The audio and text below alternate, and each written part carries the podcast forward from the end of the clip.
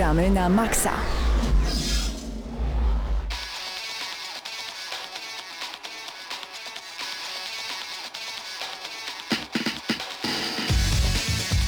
Minęła godzina 19. Zapraszamy na audycję Gramy na Maxa, audycja o grach wideo i komputerowych, o PlayStation 4, Xbox One, PC, yy, konsolach Nintendo, wszystko jest w tej audycji i razem ze mną w studiu są. Proszę się tu mi przedstawić. Hubert Pomykała, Krzysztof Lenarczyk i Patryk Ciesielka. E, Przed mikrofonem również i Mateusz Widut. Y, Panowie, co u Was się działo w ostatnim e, tygodniu, a dokładnie chodzi mi o sprawy growe. W co graliście po prostu? Myślę, że w tym momencie najbardziej przygotowujemy się już na ten e, boom i po prostu szał, który zacznie się już w najbliższą niedzielę, kiedy zaczniemy oglądać pierwsze konferencje targów E3.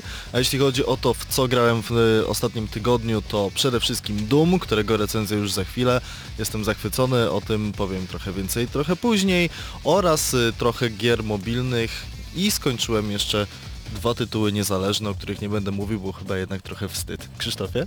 Ja grałem e, w dodatek do Wiedźmina 3, ostatni już niestety krew i wino i powiem szczerze, że nie jestem do końca zadowolony z tego jak e, sam dodatek wyglądał, co zresztą e, przekażę wam później w recenzji, a także na mojej przynośnej konsoli PlayStation Vita, która w końcu gdzieś tam z półki wylądowała w moich rękach zacząłem ogrywać tytuł o nazwie Tearaway i byłem bardzo zaskoczony jak dobra jest to gra. No, ale to nie, chyba nie chcesz powiedzieć, że krew i wino 2 na 10 i jedziemy dalej. Nie no, 2 na 10 to jest oczywiście przesada, ale tak jak wysoko został oceniony ten dodatek, to według mnie jest niesłuszna ocena i Zresztą niektóre serwisy czy magazyny growe pisały, że one oceniają Wiedźmina 3 i wszystkie dodatki razem, a nie sam dodatek, więc dla mnie taka ocena nie jest adekwatna do samej gry. No zobaczymy, ja razem z Tobą będę właśnie e, recenzował krew i wino. E, Patryku, co u Ciebie? Y, Ja pokusiłem się na zakup Mad Maxa i zdziwiło mnie to, jak mogę dobrze się bawić przy grze, która praktycznie nie ma fabuły. Bardzo? Bardzo. Bardzo, bardzo naprawdę bardzo fajna. Y, Zbudowałeś już swój złom samochód cały? Ten, ten, jako to, ma, Opus Magnum to się Tak, nazywało. tak, już, już prawie jest kompletny, ale jeszcze brakuje mi niektórych części. No ja właśnie y, próbowałem y, jakieś dwa miesiące temu grać w Mad Maxa na Xboxie One i faktycznie tam jest, to jest gra, w której jest bardzo, bardzo dużo do robienia i ten świat jest ogromny. Choć nie wciąga ta gra tak, tak mocno. Może bardziej na to, jeśli ktoś ma dużo czasu, to może tam To na jest taka gra jak spędzić go. piaskownica, czyli jeżeli masz coś do robienia, no to się przyjemnie w to gra, a nie zwracasz w ogóle uwagi na fabułę. A przynajmniej ja tak miałem, y, Jeszcze- gdy recenzowałem grę. Jeszcze kwestia jest taka, że trzeba się przekonać do tego klimatu, bo klimat w tej grze jest bardzo surowy. To, to trzeba przyznać, jak jedziemy samochodem, nie ma prawie żadnego soundtracku, jest tylko wiatr, samochód, y, ryk silnika i to wszystko.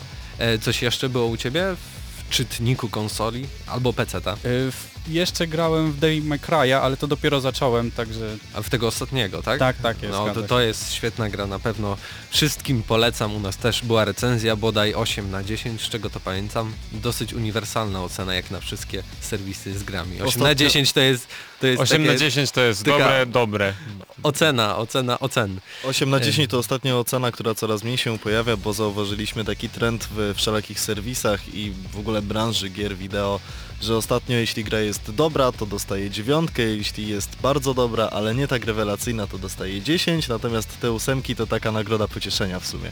No w sumie A tak. tak nie powinno być. E, Z mojej strony no to e, grałem tylko i wyłącznie w krew i wino, o czym już przed chwilą wspomniałem e, w rozmowie z Krzyśkiem, więc chyba czas, żeby przejść do tematów ostatniego tygodnia. Czy coś się działo takiego...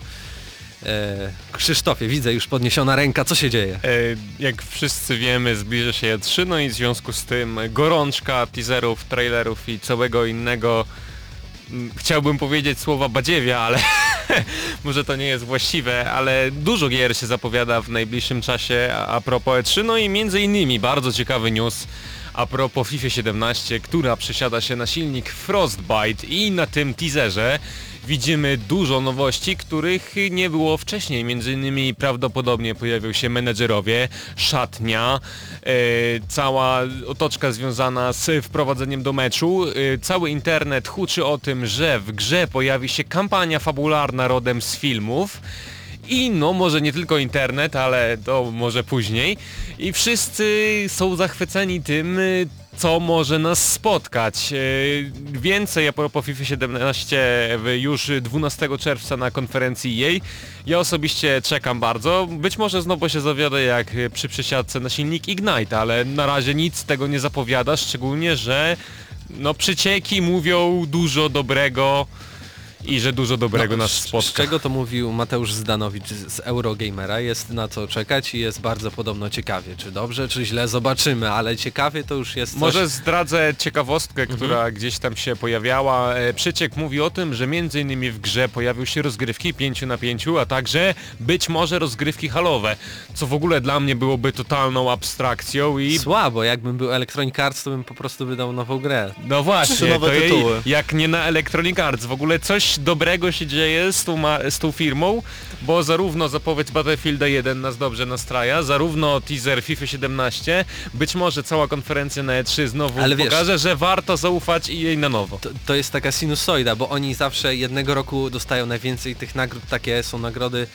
no nie wiem jak to ładnie powiedzieć w radiu, ale do, dosłownie takie y, złote kupy się dostaje za najgorszą firmę w USA i oni zawsze wygrywają to jednego roku, a drugiego roku są wyróżniani za to, że są świetną firmą nastawioną na graczy, y, robią świetne produkcje, więc w tym roku chyba jest No i może to ta, jest ta ten góra, rok. a, Ja za- a będzie ten dół. Chciałem E, tylko Hubercie? powiedzieć, że na tym prawdopodobnie polega magia EA, bo wszystkie gry EA mają generalnie rewelacyjne zwiastuny i świetny hype tak zwany, czyli oczekiwanie przedpremierowe, a potem to wychodzi no i, i się pojawia. Ale, to wracamy... z drugiej strony słabo, bo za rok Mass Effect Andromeda, nowy Need for Speed, A tak? nowy Znaczy Titanfall. akurat na Need for Speeda to chyba nikt nie czeka już po tym co zobaczyliśmy w poprzedniej części. Nadal mam nadzieję. który był bardzo dobrą nie grą. był dobrą. Znaczy to jak został rozwiązany interfejs sieciowy w niej, to nawet Paweł zrecenzował w swojej krótkiej, ry- w swojej krótkiej opinii na temat tej gry. No i niestety z, z tę grę zabija to, jak ona została połączona z siecią. No ale co do E3 jeszcze taka ciekawostka ma się pojawić remaster Skyrima. Jak, Tak. jak się w ogóle za, zapowiadacie na to? Po jak... 10 latach. Wszyscy nie? gracze całego świata stwierdzili, że wszyscy już mają remaster w postaci po prostu modyfikacji dostępnych za darmo przez Ale internet. nie na legalnie. konsolę. Ale sobie wyobraźcie A. remaster Skyrima z obsługą konsoli, bo jak wiemy kon- mody na Fallouta 4 na Xboxie się pojawiły dość hucznie. Może jest to Jest umiarkowany afera. sukces. Jest afera. Słyszałeś? Nie. Że kopiują mody e, z wersji PC-owej i zasługi sobie e, ta, Przypisują. os ta osoba, która wstawia, przypisuje, więc jest afera, że jak tak można i tak... Ale to mniejsza No być może, ale w końcu mody pojawiły się na Xboxie i ciekawi mnie, jeżeli faktycznie wyjdzie remaster Skyrima i będzie można go modować na konsolach, to ja wróżę ogromny sukces. Przechodzimy do kolejnego tytułu, który został zapowiedziany przez E3, tudzież E3 jak kto woli. Mowa o Watch Dogs 2, to jest tytuł, który zostanie zaprezentowany tak na pełną skalę jutrzejszego dnia według polskiego czasu o godzinie 18.00. Póki co w internecie po prostu pojawił się mały obrazek, na którym widać jak wygląda em, nowy bohater tytułu. Widać tutaj zdecydowanie jakąś taką ko koegzystencję względem Far Cry'a 3 i 4, po prostu trochę zmienił się bohater, ale patent wygląda na łysy. to...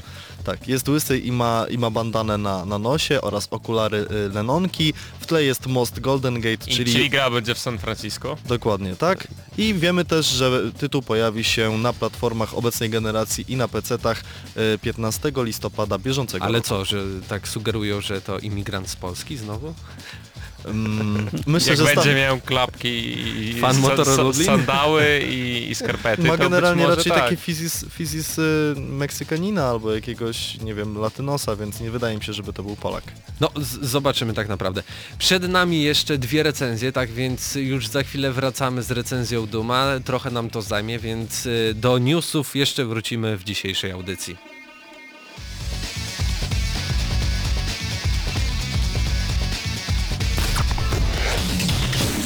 I 2 FM. Radio Centrum.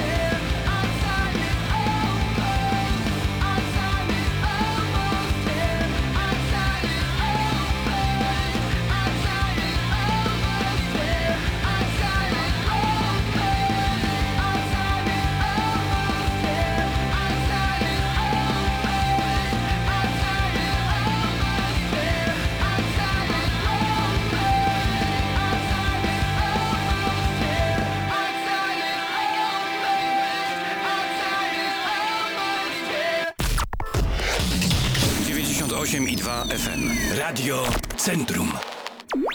Recenzja w Gramy na Maxa.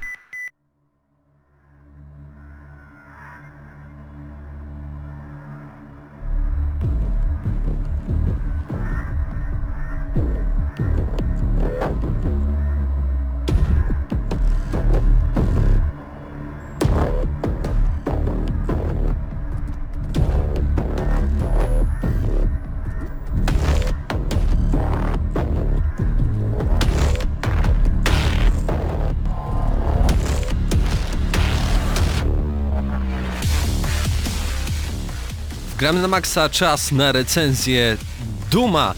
Gra pojawiła się 13 maja na PC, Xbox One i PlayStation 4. Producentem jest ID Software, wydawcą Bethesda. W Polsce Cenega Poland, y, PEGI 18 i ze mną w studiu jest Hubert Pomykała, który spędził dnie i noce nad tą grą. Hubercie, pierwsze pytanie podsumowujące, jak na koniec recenzji, czy gra Ci się podobała i czy było warto?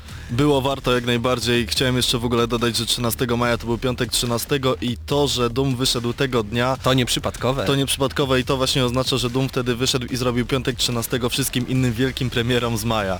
To jest naprawdę rewelacyjny tytuł i powrót y, gier w ogóle strzelanin w takiej formie, jakiej oczekiwaliśmy od dawna. To znaczy strzelaniny to już nie tylko Call of Duty, nie tylko Battlefield, tylko Doom, który powrócił i to bardzo. Ale to jest taka staroszkolna strzelanina. Tutaj czuć ten staroszkolny styl prowadzenia rozgrywki, strzelania, e, samej mechaniki. Nie, właśnie tak zupełnie Nie? nie, jest. Ludzie mówią, że to jest e, staroszkolna gra, da się wyczuć tą staroszkolność, ale Doom jest jednocześnie połączeniem gry staroszkolnej i nowoczesności. Tam tyle elementów nowoczesnych się pojawiło, że mm, ta, to, to właśnie ta oldschoolowość, to czego wszyscy pragnęli, jest bardzo sensownie zamaskowana i pojawia się po, od czasu do czasu, natomiast mamy do czynienia ta, tak naprawdę z zupełnie nowym tytułem, z zupełnie nową grą. Hubercie, w kogo się wcielamy w Dumie? W Dumie wcielamy się w jedyną słuszną postać w strzelaninach, jaka kiedykolwiek istniała, czyli znana jako tak zwany Doom Marine, czyli yy, komandos, który został zesłany na Marsa po to, żeby walczyć z hordami z piekieł. Mówimy o demonach, które się w tajnej bazie UAC na Marsie pojawiły. Tam fabuła generalnie oczywiście w Dumie jest, nikt nie zwraca na niej specjalnie uwagi, ale tutaj na plus yy, zwracam uwagę na sposób jej przekazywania. To znaczy oglądamy jakieś e, nagrania, oglądamy filmiki, od czasu do, do, do czasu czytamy po prostu informacje, tak samo chociażby jak było w Wolfensteinie, kiedy y, musieliśmy zatrzymać grę, żeby dowiedzieć się trochę więcej o świecie. Ale całość jest poprowadzona, poprowadzona bardziej w liniowy sposób, czy też są miejsca na jakieś odnogi? Doom jako gra jest y, grą całkowicie liniową, jeśli chodzi o fabułę, natomiast y, odnajdywanie ulepszeń do broni i eksploracja oraz dodatków takich materiałów ekskluzywnych y, nama namawia nas do tego, żebyśmy po prostu spędzali na mapach jeszcze więcej czasu. Cały czas znajdujemy jakieś nowe odnogi, jakieś sekretne przejścia i okazuje się, że lokacja jest tak naprawdę znacznie większa niż nam się wydawało. Czyli klimatycznie ogólnie to jest to, czego się spodziewałeś po Dumie? Nie, właśnie spodziewałem się czegoś zupełnie innego. Doom jest utrzymany w takiej tonacji kolorystycznej trochę krwisto, trochę cukierkowo, trochę komiksowo. Myślałem, że to zupełnie nie będzie pasowało do klimatu Duma. Okazuje się, że pasuje w 100%, ponieważ to w jaki sposób to zostało wszystko zaprezentowane naprawdę robi robotę, jak to się teraz mówi. Doom został, mam wrażenie, bardzo przyspieszony względem tego zwiastuna, który oglądaliśmy, kiedy ludzie wszyscy na całym świecie powiedzieli, że ta gra jest za wolna jak na Duma. Y, Przez pierwsze 3-4 misje fabularne w ogóle mamy wrażenie, że gramy w Duma trzeciego z 2003 roku, kiedy tych przeciwników nie ma zbyt wiele, y, kiedy tak naprawdę poruszamy się po zamkniętych korytarzach i od czasu do czasu tylko wychodzimy na otwarte przestrzenie, ale później to już mamy do czynienia tak naprawdę z prawdziwym Dumem, kiedy nie ogarniamy nic z tego, co dzieje się dookoła, skaczemy, biegamy, odbijamy się od ścian, nagle okazuje się, że gdzieś tam są w powietrzu poczwórne obrażenia, albo że mamy nieśmiertelność. Wtedy wbijamy się przeciwników mając strzelbę w ręku, oni się rozpadają na 70 elementów. Następnie do kogoś podbiegamy i niszczymy mu pięścią twarz, po czym, nie wiem, umieramy, ponieważ okazało się, że gramy na najwyższym poziomie trudności, a etap jest akurat bardzo trudny do przejścia. Właśnie y, ro- rozpocząłeś y, tutaj wątek mechaniki, czy e, jakby samego strzelania, mam tu na myśli e, rodzaje broni, czy tego jest wiele, czy brakowało ci, e, nie wiem, jakiegoś typu danej, danej givery? Nie, y, rodzajów broni jest naprawdę wiele i zupełności wystarczająco. Przede wszystkim nie przeładowujemy broni w Dumie. Po prostu pojawia nam się na ekranie napis y, brakuje amunicji, już kończy się amunicja i wtedy broń należy zmienić, y, co jest bardzo sen- sensownym rozwiązaniem, chociażby biorąc pod uwagę to, że w Dumie cały czas musimy się ruszać, jak to było w tych dwóch pierwszych legendarnych odsłonach, jak, jak to się również pojawia w ekranach ładowania. Piekło kumuluje ludzi gnuśnych, czyli takich, którzy się nie ruszają, trzeba cały czas chować się za jakimiś wystającymi obiektami, skakać i kombinować. I brak amunicji y, po prostu powoduje, że szybko zmieniamy broń na inną i cały czas ta adrenalina pompowana przez grę jeszcze bardziej do nas dociera, a adrenaliny w tej grze jest tak bardzo wiele, że momentami musiałem wstać z fotela, wyjść do kuchni, przegryźć coś, żeby z powrotem do niego usiąść, bo naprawdę tak bardzo wciąga i tak bardzo satysfakcjonuje. A z samym poziomem trudności, czy gra ci sprawiała w ogóle jak, jakieś wyzwanie, czy też jakby gładko przeszedłeś? Bo wiem, wspominałeś mi jeszcze przed recenzją, że Paweł namawiał cię do tego, żebyś odpalił najwyższy y, tryb trudności i wtedy dopiero będziesz się prawdziwie bawił. A tu usłyszałem od ciebie, że Dark Souls jest łatwiejszy od tej gry. Nie do końca tak, aczkolwiek dużo w tym prawdy, ponieważ Paweł mi powiedział, Hubert, musisz odpalić Duma na najwyższym poziomie trudności, tak jak należy grać w Duma. Oczywiście są jeszcze dwa dodatkowe poziomy trudności, które odblokujemy po przejściu kampanii fabularnej. E, No i mówię, dobra, skoro tak należy się bawić tą grę, to odpalę ją, po czym zginąłem ze cztery razy w pierwszej misji i miałem dosyć i generalnie misja, która powinna zająć mi 20 minut, zajmowała mi 45 minut, ale już po tej trzeciej, czwartej misji, kiedy złapałem wszystkie podstawy, już tylko i wyłącznie zorientowałem się, że to ja jestem piekłem dla tych demonów i zrobię z nimi dokładnie to samo, co Popek zrobił z polską sceną hip-hopową. wywrócisz, e, lekko ujmując, ale też z drugiej strony y, na ile starcza w wątku dla pojedynczego gracza ta gra? To jest e, pierwszy tytuł od wielu lat, w którym w- kampania dla jednego gracza nie jest tylko wyłącznie dodatkiem do multiplayera. Ja spędziłem w e, kampanii dla jednego gracza jakieś 13 godzin. Zaznaczam, że może to być trochę krócej, jakieś 11,5 godziny. Jeśli kiedy- dobrze gracie. jeśli dobrze gracie i na niższym poziomie trudności, ale zachęcam do tego, żebyście właśnie grali na najwyższym, żebyście całkowicie pochłonęli klimat Duma. A to nie jest gra taka jak Dark Souls, że ona jest trudna, żeby była trudna. Doom jest grą, którą jak już się załapie, to po prostu się ciśnie i czujesz to wszystko w sobie, czujesz pulsującą adrenalinę, widzisz e, tych wrogów, którzy się rozbryzgują przed twoim ekranem i widzisz po pewnym czasie, że koleś, który sprawiał ci w trzeciej misji naprawdę jakiś problem, nagle staje się po prostu mięsem armatnim, którego pokonujesz jednym pociskiem broni. E, Przechodząc teraz może powoli do kwestii audiowizualnych, jak ta gra się prezentuje? Z czego to pamiętam, bo e, ja jedynie miałem okazję zagrać w betę na PlayStation 4, bo ty grałeś na konsoli PlayStation 4. PlayStation 4 tak. E, Czy, czy graficznie to zostało jakoś usprawnione? Bo powiem ci szczerze, że ja grając w multiplayerze, może to w multi wygląda inaczej, w singlu inaczej, to o tym zaraz powiesz, ale czułem, że ta gra jest w ogóle w 720p, te tekstury są jakiejś niskiej rozdzielczości, ale fakt, że gra ma 60 klatek i śmiga płynnie. Tak, ja sprawdziłem dokładnie jak to wygląda, to jest konkretnie 1080p 60 klatek na każdej konsoli, również na Xboxie One i na PC. E, natomiast e, Doom jest jednocześnie grą bardzo ładną i momentami bardzo brzydką. Kiedy znajdujemy się chociażby w e, poziomie, który generalnie jest fabryką, w której jest przetapiana e, miedź, tudzież jakiś inny metal, to jest spływający metal, który jest roztopiony, jest po prostu paskudny. Tekstura jest e, obskurna i przypomina raczej gry sprzed 10 lat. Natomiast e, modele przeciwników e, oraz e, odzorowanie broni i efekty świetlne, czyli wszystkie, wszystkie pociski naprawdę robią wrażenie.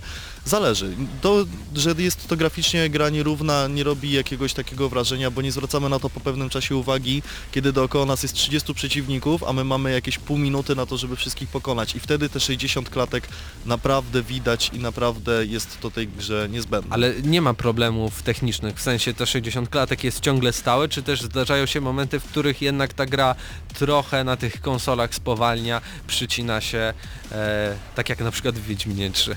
Tutaj naprawdę bardzo wysokie, bardzo sensowne zasługi dla ID Software, to jest w ogóle, przypomnijmy, ich e, pierwszy tytuł po, e, po wydanym w 2012 roku e, Dumie BFG Edition, czyli tym takim ulepszonym, poprawionym trzecim Dumie. No wcześniej to chyba był dopiero Rage i to na podobnym silniku. 2011 Tak. rok. To było, to był właśnie silnik ID5, w tym momencie mamy ID Tech 6 6, który y, powoduje, że przez 12 godzin rozgrywki, naprawdę, przyznaję, ani razu gra mi się nie przycięła.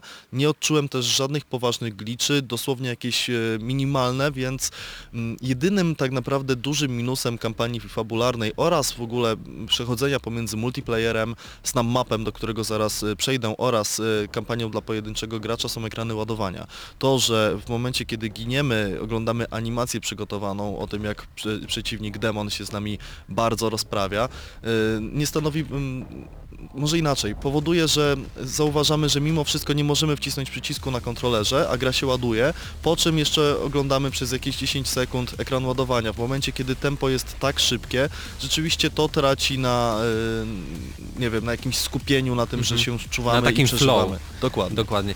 E, Zanim jeszcze przejdziemy do tych dodatków i do trybu dla e, wielu graczy, chciałbym się jeszcze spytać o kwestię audio i e, wersji polskiej, czy, bo wiemy, że jest pełna polska wersja językowa, z czego to dobrze pamiętam, czy ona Ci odpowiadała, czy była na sensownym poziomie? E, Polską wersję językową jednak pominę milczeniem, bo chociaż przetłumaczona w miarę sensownie, to y, nie mówię już no, nawet takich prozaicznych sytuacjach jak niezgrywanie się ust y, postaci razem z tym, które co mówią. I tak postaci tam pojawiają się bardzo, bardzo rzadko, aczkolwiek to niezgrywanie się, y, brak synchronizacji pomiędzy polskimi słowami a angielskim komentarzem jest bardzo widoczny i naprawdę powoduje, że czujemy jakieś takie odepchnięcie. Tak powiedzmy, że główny głos, który zwraca się do nas w trakcie gry jest tym już słynnym głosem polskiej wersji syntezatora Iwona. Y, To jest szczególnie uciążliwe w trybie multiplayer, chociaż w trybie jednoosobowym również. Y, Czasami to pasuje, a czasami y, zupełnie nie pasuje. To jest Doom. Powinniśmy tutaj słyszeć jakiegoś albo demona, Double albo... kill, takie, takie Tak, rzeczy właśnie. Dźwięki z Quake'a, dokładnie. E, czyli jest y, mocno średnio, można powiedzieć. Pod tym względem E, tak. To o dodatkach, o tych, o tych Jeszcze rzeczach, muzyka. tak?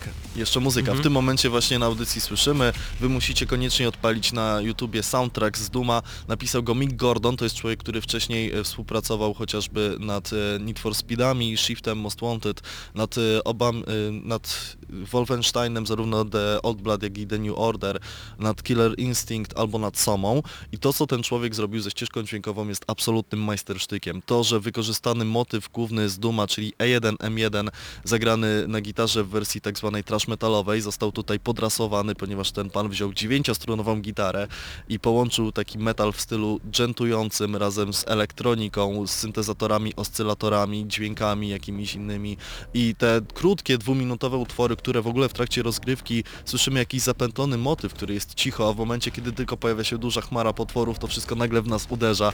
To jest tak miodne, to Daje. jest tak cudowne. E, tak więc te dodatki, bo wiem, że można z Duma zrobić tak naprawdę inną grę. Tak, y, mamy tryb, który nazywa się y, Snap Map. To jest oczywiście nawiązanie do pewnego, y, pewnej popularnej w tym momencie bardzo aplikacji internetowej.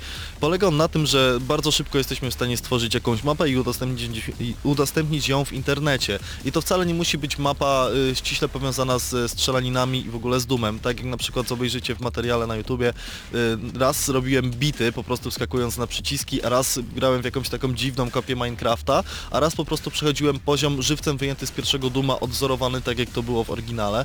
I to jest świetny sposób na przedłużenie rozgrywki, bo oprócz tego, że mamy całkiem sensowny tryb multiplayer, to ten Snap Map powoduje, że gra y, Doom jako tytuł dla jednego gracza na 12, o, na 12 godzin nagle staje się tytułem na 25-30 godzin. No wydaje się, że po prostu Doom y, może się po prostu nie przestarzeć, a czekając na kolejną odsłonę, bo podejrzewam już słysząc y, twoje słowa, że to gra raczej udana i wydaje się, że sprzeda się, to jednak właśnie taki dodatek pozwoli no sporo przedłużyć istnienie tej gry, no to, to tak jak w Little Big Planet, można nie wiem, Mario w tym Dumie pewnie i też zrobić i też będzie się e, bardzo ciekawie grało. E, Tak więc jeszcze poproszę Cię o słów kilka na temat właśnie multiplayera, czy e, nie wiem, grałeś w betę? Czy, Grałem w betę, czy grałem... coś się zmieniło, czy posłuchali graczy, czy Czy jest bardziej angażująco, bo mnie to troszkę odrzucało. Na pewno mam wrażenie, że Doom w multiplayerze to gra, która bardziej stawia na umiejętności. Wybieramy sobie dwie pukawki oraz jakiś dodatkowy gadżet i wskakujemy na mapę. E, Nasza postać może zmienić bardzo dużo elementów swojego e, wyposażenia, jeśli chodzi o wygląd, ale to są oczywiście zmiany kosmetyczne. Tryby dosyć klasyczne, czyli e, właśnie deathmatch, kto pierwszy pokona najwięcej potworów albo przeciwników wygrywa, albo jeden z moich ulubionych trybów i w ogóle coś, co powinno się częściej pojawiać w grze Warpath, czyli wojenna ścieżka. Y, To, to również było w becie, tak? To jest tryb, który polega na tym, że mamy strzałeczki, mamy taką drogę, która pojawia się na mapie i ta drużyna, która po prostu kontroluje tą ścieżkę, dostaje odpowiednie bonusy. Jeszcze gdzieś tam jest tak zwana runa demona, która powoduje, że y, ty się zmieniasz w demona. Natomiast jest to jakieś takie dziwne połączenie pomiędzy dynamiką z Quake'a trzeciego z y, rozwiązaniami z Call of Duty.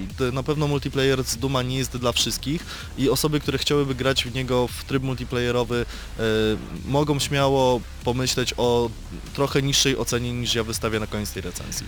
No to czas na podsumowanie. Doom to gra dla dorosłych graczy, bo ma PEGI 18, więc czy dorosłym graczom taka rozgrywka i, i cała koncepcja, e, w jakiej pojawiła się tak, no można mówić też czwarta odsłona Duma, chociaż tym razem mamy po prostu Doom. Czy to jest gra udana, czy zasługuje na wysoką ocenę? Hubercie. Doom to jest gra heavy metalowa pod każdym względem. Doom to jest gra, która się nie cyrtoli, mówiąc krótko. Doom to jest y, gra pełna żartów, e, takich ukrytych, rzeczywiście smacznych i sensownych.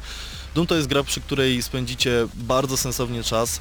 Mi osobiście Wolfensteiny niespecjalnie się podobały, przy Doomie bawiłem się rewelacyjnie, słyszę podobne opinie od wszystkich. Mam wrażenie, że biorąc pod uwagę ten maj premier, czyli y, Uncharted, Doom, Overwatch, mam wrażenie, że Doom oprócz tego, że jest jedną z najlepszych gier tego roku, jest najważniejszą grą tego roku, ponieważ przywraca y, wiarę w ogóle w strzelaniny pierwszoosobowe i tak jak teraz mamy Team Overwatch i Team Doom, ja zdecydowanie jestem za, za Doomem, daję pełni przekonanie 10, 9 na 10. Pojawiły się jakieś drobne błędy, poza tym gra jest absolutnie od początku do końca kompletna. Jest bardzo pozytywnym zaskoczeniem, bo przypominam, w Duma nikt nie wierzył po tym, jak zagrał w jego betę. Wow. 9 na 10 od y, Gramy na Maxa i dziękujemy e, Cenedze za dostarczenie kopii do recenzji.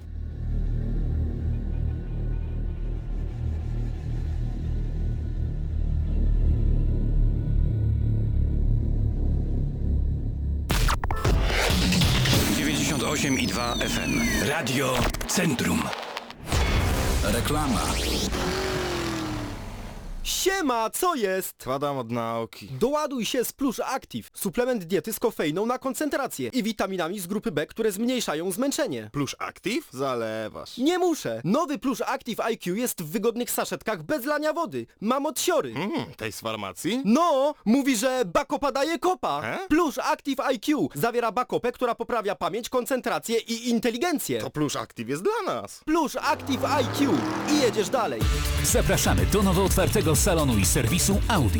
Autohaus Otto. Świdnik koło Lublina. Ulica Piasecka 16. Przyjdź, skorzystaj z jazdy testowej i poznaj nowe oblicze Audi w naszym regionie. Reklama.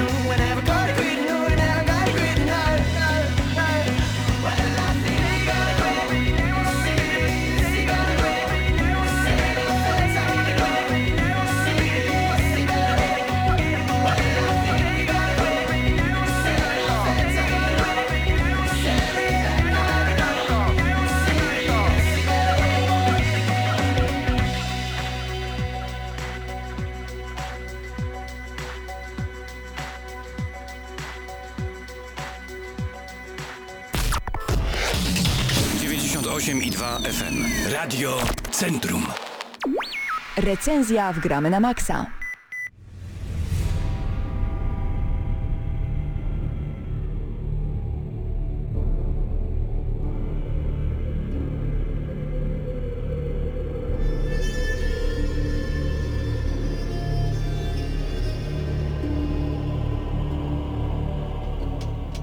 Gramy na maksa, czas na recenzję dodatku do Wiedźmina 3 Dziki Gon, Krew i Wino. Ostatni dodatek do produkcji CD Projektu Red. E, wydawcą u nas jest e, właśnie CD Projekt Red. E, PEGI 18. E, grę dostaliśmy od dystrybutora i bardzo dziękujemy. E, o czym jest Krew i Wino? W Krew i Wino pojawiamy się w nowej krainie Tucson. E, krainie płynącą winem i krwią. SS, est, est i krwią płynącą. Tak. Jakby tak E, e, w, kró- w skrócie powiedzieć. Krzysztofie, może takie małe wprowadzenie fabularne, ale takie, które pozwoli nam też y, jakby nie zdradzić pewnych szczegółów y, graczom, co będzie oczywiście trudne. Może zacznę od tego, że ja jestem wielkim fanem całego uniwersum Wiedźmina i prozy Sapkowskiego, więc ta recenzja nie będzie do końca tak obiektywna, jak mogłaby być, aczkolwiek bardzo będę się starał. E, chciałbym zacząć od e, tego, że jak wspomniałeś, o czym jest ta gra? Lądujemy w krainie Tucson, e, właściwie na terenach wokół zamku Boclé, które jest opisane również w sadze, a także pierwszy raz e, pojawia się w w grze. Y, dostajemy zlecenie od jaśnie oświeconej Anny Herie- na zabicie pewnej bestii. I pojawia się wiele postaci znanych z książkowej sagi, e, które dla, dla tych, którzy czytali książki, naprawdę uśmiechną się, gdy zobaczą, kto tak naprawdę daje nam tego questa. No i pojawiamy się w tej krainie i doznajemy szoku, bo jest to zupełnie coś innego niż w podstawce. I to jest też y, troszeczkę szok y, w porównaniu do tego, co czytaliśmy w prozie Sapkowskiego, bo okazuje się, że właśnie ta kraina, która jest dosyć kolorowa, pastelowa, wydaje się, że życie tam e, płynie błogo i bardzo przyjemnie, e, to jednak nocą y, tam jest mroczniej niż e, w samej na przykład wyzimie. E, i to jest jakby plus na to, że jednak e, CD Projekt Red postanowił jakoś urozmaicić tą e, całą krainę. E, trochę słów o tym, czy podobała Ci się w ogóle sama historia, bo wydaje mi się z mojej perspektywy e, pierwszy dodatek Serca z Kamienia miał lepszą, lepszy to, tą historię główną, fabułę, e, wątek fabularny, bo tutaj oczywiście jest on angażujący, e, ale też y, nie zaskakuje tak jak mieliśmy w Sercach z Kamienia, bo tam to ta historia była po prostu, szczęki opadały i wtedy wystawialiśmy 10 na 10. Jak to u Ciebie teraz jest? Mi się wydaje, że CDP trochę nad wyrost zapowiedział, że ta fabuła będzie długa, że będzie bardzo wciągająca i bardzo książkowa, bo taka nie jest. I jest to y, dla mnie duży minus. Ja spodziewałem się zupełnie czegoś innego niż dostałem, ale wraca między innymi, no będzie to spoiler, ale pojawia się to we wszystkich recenzjach, jakie tylko są praktycznie a propos Wiedźmina 3. Wraca pewien znany wszystkim wampir z książek. Może imienia nie wymienię, jeżeli ktoś nie czytał książek, jeżeli ktoś czytał, to będzie wiedział o kogo chodzi. Pojawia się w dość dziwny sposób, nie jest nawet dobrze wytłumaczone dlaczego i ja już miałem taki pewien dysonans, bo on no, właściwie to jego życie było, nie było zamknięte, było otwarte. Sam Sapkowski powiedział, że jest y, nadzieję na to, że ten wampir wróci, no i w grze wrócił. No i co ciekawe, historia może jest angażująca, ale nie jest wciągająca do, do tego stopnia, że ja na przykład jak grałem, to y, questy z głównego wątku fabularnego to grałem jeden, zrobiłem, nie wiem, pięć misji pobocznych, grałem znowu quest z misji głównej, zrobiłem pięć misji poboczny, pobocznych i do momentu aż przeszedłem grę i co ciekawe zajęło mi to mało czasu. E, no, Wydaje mi się właśnie, że e, nawet sam ten główny wątek jest krótszy od tego w Sercach z Kamienia, a było zapowiadane, że ma być to porówno 15 godzin wątku głównego i 15 godzin e, misji pobocznych. No nie wiem, ja wszystkich misji pobocznych na razie jeszcze nie zrobiłem, ale już w tym momencie mogę powiedzieć, że na pewno no to są misje poboczne, one są dużo bardziej takie innowacyjne, ciekawe niż w tym A samym ja się z tobą nie zgodzę, bo wątku. pojawiły się też misje FedExowe, których wcześniej nie było i w ogóle może nawiążę od razu gdzieś tam w przyszłość e, tej recenzji, ale wydaje mi się, że to jest taka trochę,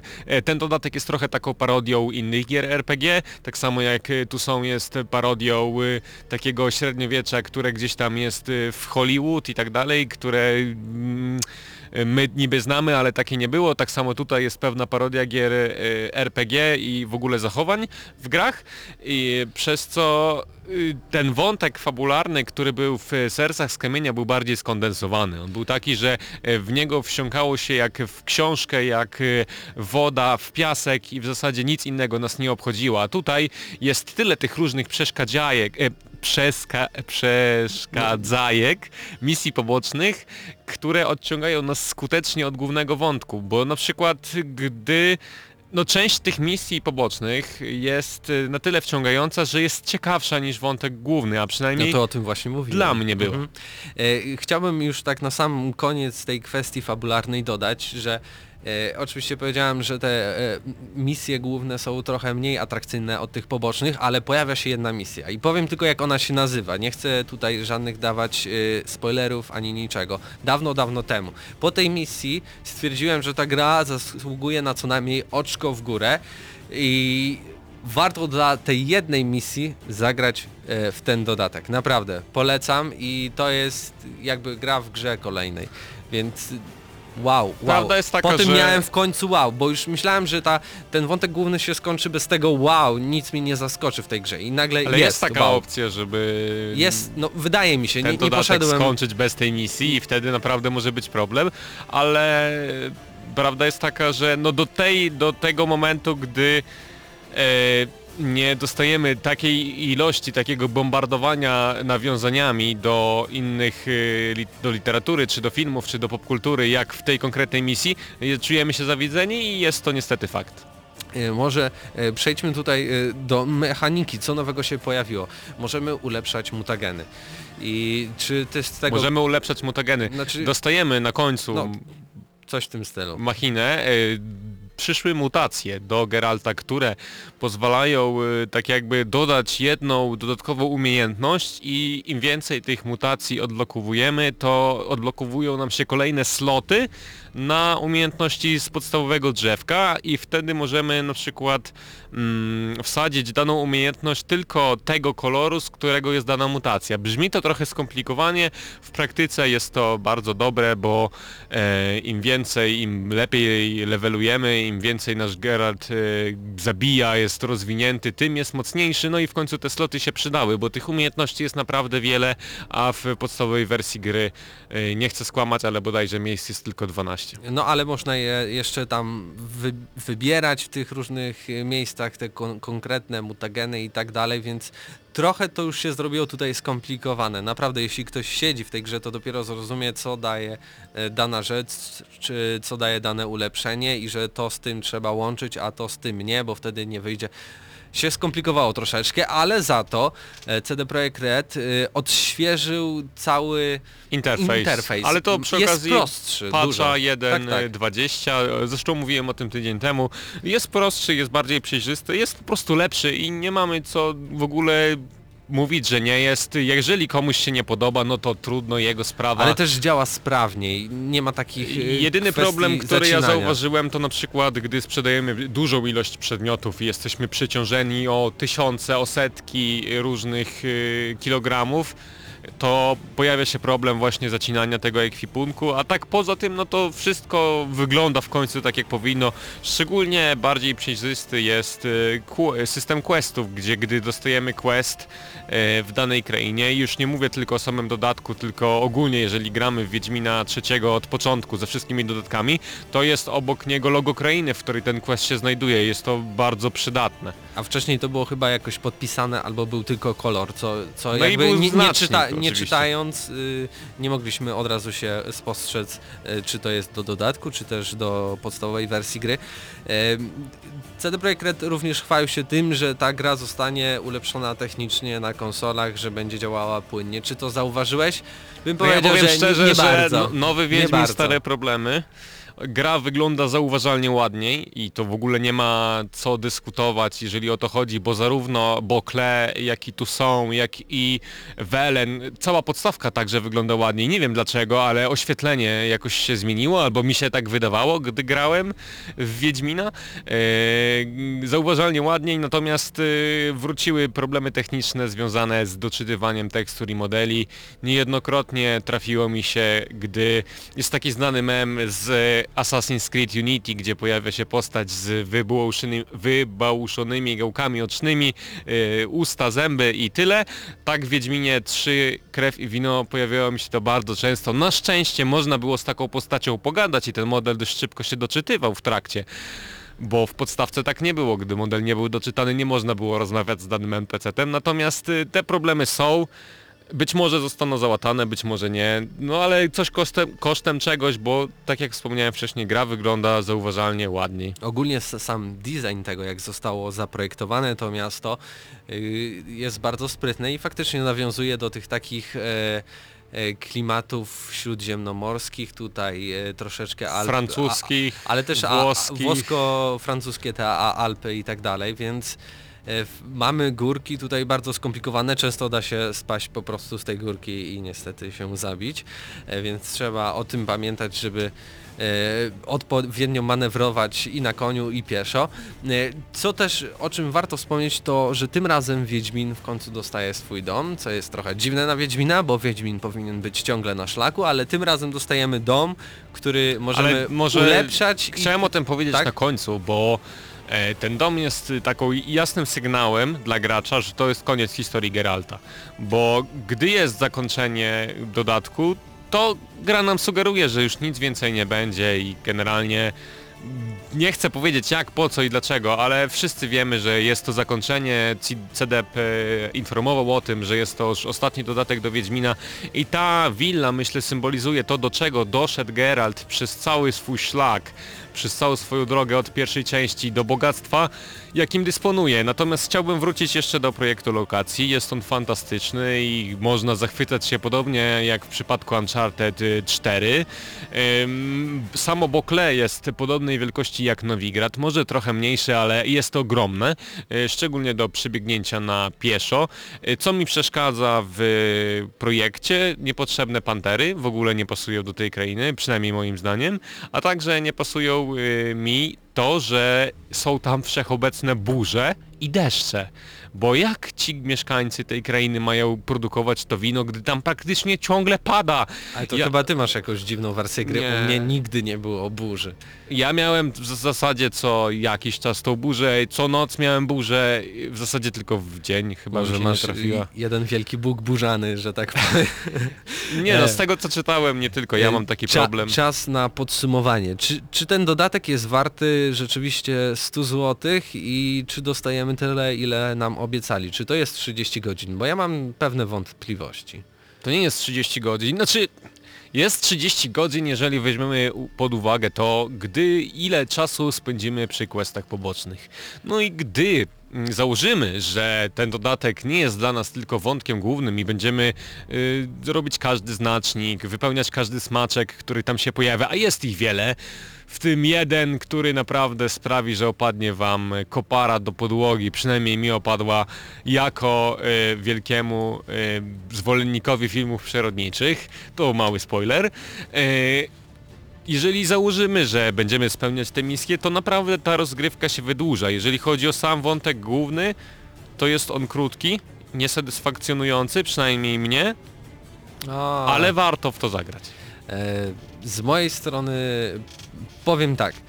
Zdecydowanie warto zapłacić nawet 100 zł, nawet jeśli byłoby to 200 za ten dodatek, bo takich dodatków nie ma. Nikt w teraźniejszej i nawet kiedyś branży e, nie robił tak rozwiniętych dodatków, które można nazwać tak po prostu następną grą albo spin-offem. To by się dało, żeby to sprzedać oddzielnie i każdy, kto by kupił, byłby zadowolony i co najmniej recenzje, które pojawiałyby się w prasie i w internecie były e, twierdziłyby, że ta gra jest na 8 albo nawet na 7, czy nawet na 9 punktów w skali 10-stopniowej.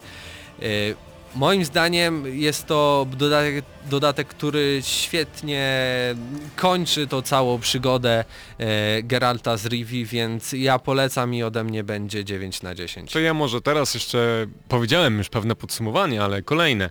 Nie wiem do końca jak oceniać dodatek Krew i Wino. Część y, serwisów branżowych oceniała całą grę łącznie z dodatkami, a nie sam dodatek i być może tak trzeba do tego podejść. Ja w dodatku Krew i Wino widziałem spełnienie moich marzeń, gdy czytałem y, książki y, z Andrzeja Sapkowskiego, bo właśnie tą Ukrainę chciałem zobaczyć poza Zerikanią.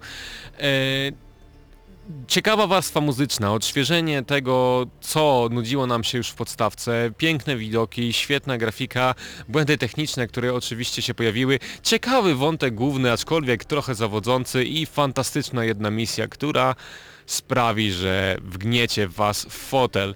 Od ciebie? Ode mnie 8+.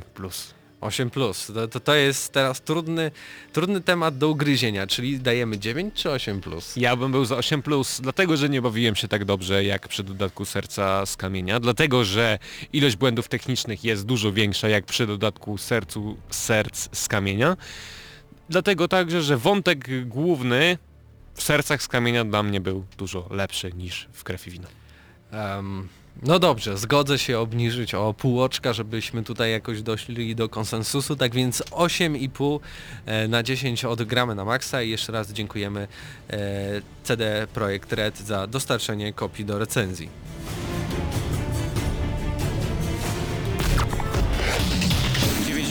I 2 FM. Radio Centrum.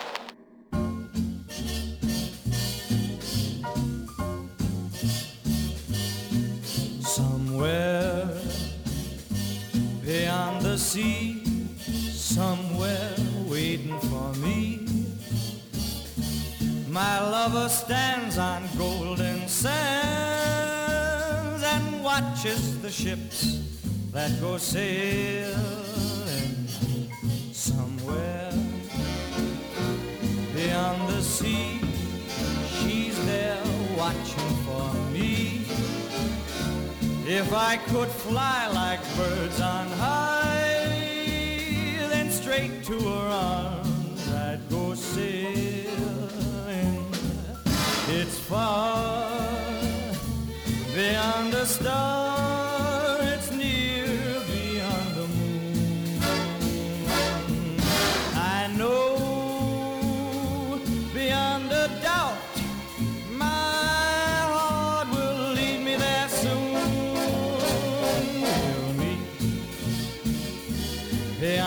shore. We'll kiss just as before. Happy we'll be beyond the sea, and never again I'll go sailing.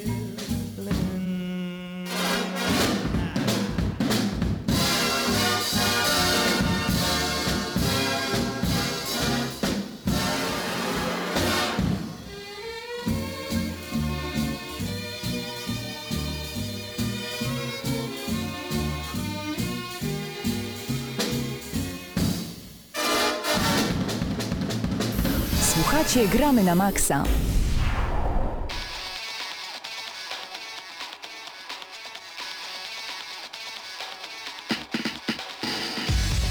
No i powracamy do Gramy na Maxa.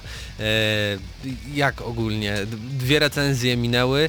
E, czy pozostali panowie się zgadzają z ocenami? Grali w te gry? Tak czy nie? Patryku? Jak myślisz, to co wystawiłem ja z e, Krzysztofem, czy to co wystawił e, dzisiaj Hubert, to jest sprawiedliwe? Bo dzisiaj w sumie bardzo wysokie te oceny się pojawiły. Y, Brzmiało to sensownie, no nie grałem ani w jedną, ani w drugą grę, ale no, Kto cię bardziej przekonał? W co zagrasz? w Duma. W dół. Aj, nie, nie udało nam się. On nie skończył podstawki, to w ogóle nie powinno to pytanie zaistnieć na antenie. E, Dobrze, Hubercie, wiem, że masz dla nas bardzo ważne informacje, a to są informacje, w których chodzi o targi E3 w Los Angeles. Tak jest, w powiedz. Los Angeles to jest w ogóle bardzo dziwne święto, bo e, od 12 do 16 oczywiście w Los Angeles odbędą się największe na świecie targi growe, a my Was chcemy bardzo serdecznie zaprosić do oglądania razem z nami wspólnie e, streamu online w Padbarze Lubelskim. Będziemy tam w niedzielę i w poniedziałek i w niedzielę Od 17.30 y, jest konferencja Square Enix. Jeszcze nie wiemy, czy o tej godzinie na pewno będziemy, więc to proponuję jednak obejrzeć w domu. 17.30 Square Enix, 22 EA i to już na pewno w niedzielę będziemy wszyscy pod barze, a w poniedziałek w nocy, z niedzieli na poniedziałek o 4 nad ranem Bethesda, przypominam Los Angeles to trochę daleko od Polski, 6.30 Kado Kawa i dopiero potem poniedziałkowe popołudnie w Polsce to 18.30 Microsoft, 20.30 PC Gaming Show, 22 Ubisoft i trzecia nad ranem Sony i to jest wieczór, który na pewno, wieczór razem z porankiem, który na pewno spędzimy wszyscy razem w Padbarze. Zapraszamy bardzo serdecznie, myślę, że całe Gramy no Axa będzie tam na miejscu i oglądało. Tak, tak więc y, pamiętajcie, niedziela po południu i poniedziałek po południu spotykamy się. Niedziela wieczór. No wieczór po południu już tak bardziej. Jeśli oczywiście e, ktoś się z nas pojawi, to też będziemy oglądać i tą wcześniejszą e, konferencję Square Enix o 17.30, jeśli dobrze pamiętam, tak powiedziałeś. E, tak więc spotkacie ekipę Gramy na Maxa, będziemy mogli sobie razem się powymieniać opiniami na temat tego, co zostanie zapowiedziane, co nie zostanie zapowiedziane, czy wam i czy nam się podoba. E, I będziemy mogli sobie po, porozmawiać, a oczywiście we wtorek e, będzie głęboka i rzeczowa i kompleksowa relacja z targów E3 u nas na audycji. Już zacieramy ręce. Tak. Ja chciałem tylko powiedzieć, że prawdziwy facet w niedzielę, tak jak wspomniał Igimat, ogląda tylko i wyłącznie Euro 2016 i bój polskiej reprezentacji w meczu z Irlandią Północną i po tym meczu być może dopiero A pojawi przepraszam, się w o której godzinie jest ten mecz? O godzinie 18, jeżeli no nie, to akurat nie chcę kłamać, ale moż- tak mi się wydaje. Można wyrobić się na Electronic Arts. I tak, Panowie? w tym momencie zostało nam jeszcze kilka minut, ale kilka minut o tym, żeby przedyskutować to, co Patryk zaproponował. Y, otóż należę do grupy graczy, y, tych masochistów, którzy grają we wszystkie gry na najtrudniejszym poziomie trudności. I coraz częściej zdarza mi się na, na, natknąć na grę, którą, w której poziom trudności jest wyśrubowany i to w taki niefajny sposób, który bardziej irytuje gracza niż y, pozwala mu wykorzystać wszystkie mechaniki, które są w grze. Ale mówisz na przykład o jakiej grze? Y, Mam tutaj na myśli m.in. Uncharted i chodzi mi o te części od jedynki do trójki. Aha. I chciałby, chciałoby się Mhm. powiedzieć, grając w taką grę, cytując pewnego znanego youtubera, czy ktoś to w ogóle tetował? Mm, nie wiem o czym mówisz niestety. Niestety, ale Patryk tak, wie i tak. być może słuchacze wiedzą, bo dochodzi do tego momentu, że jest tak absurdalnie wysoki poziom i wygląda na to, że nikt w ogóle nie grał w tę grę na tym poziomie, że gdzieś się twórcy posiali wodze fantazji, po prostu niektórych momentów nie da się przejść. Ale wydaje mi się, że po prostu czasem takie poziomy trudności są po to, aby gracz się pobawił, spróbował. Nawet może twórcy nie, wie, nie mają pojęcia, czy da się to przejść, ale, ale chcą dać e, graczom możliwość taką, żeby po prostu spróbowali trochę się pomęczyć. Może się uda, może nie. Jeśli jest na przykład trofeum za przejście właśnie na najwyższym poziomie trudności, to co innego. To jest trochę głupia sprawa. E, takie jest moje zdanie. Patryku?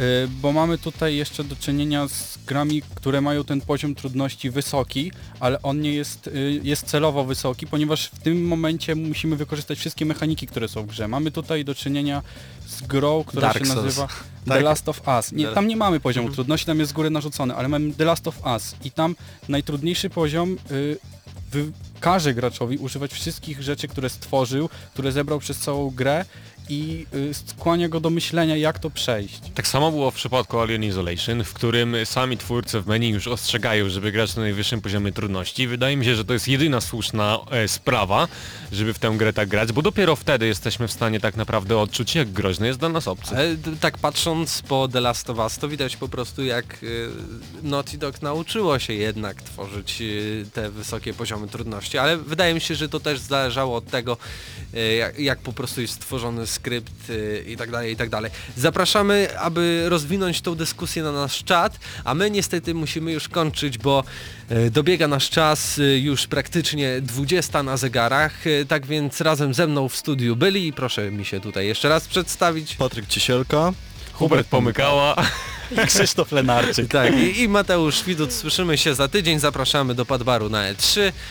No i do usłyszenia.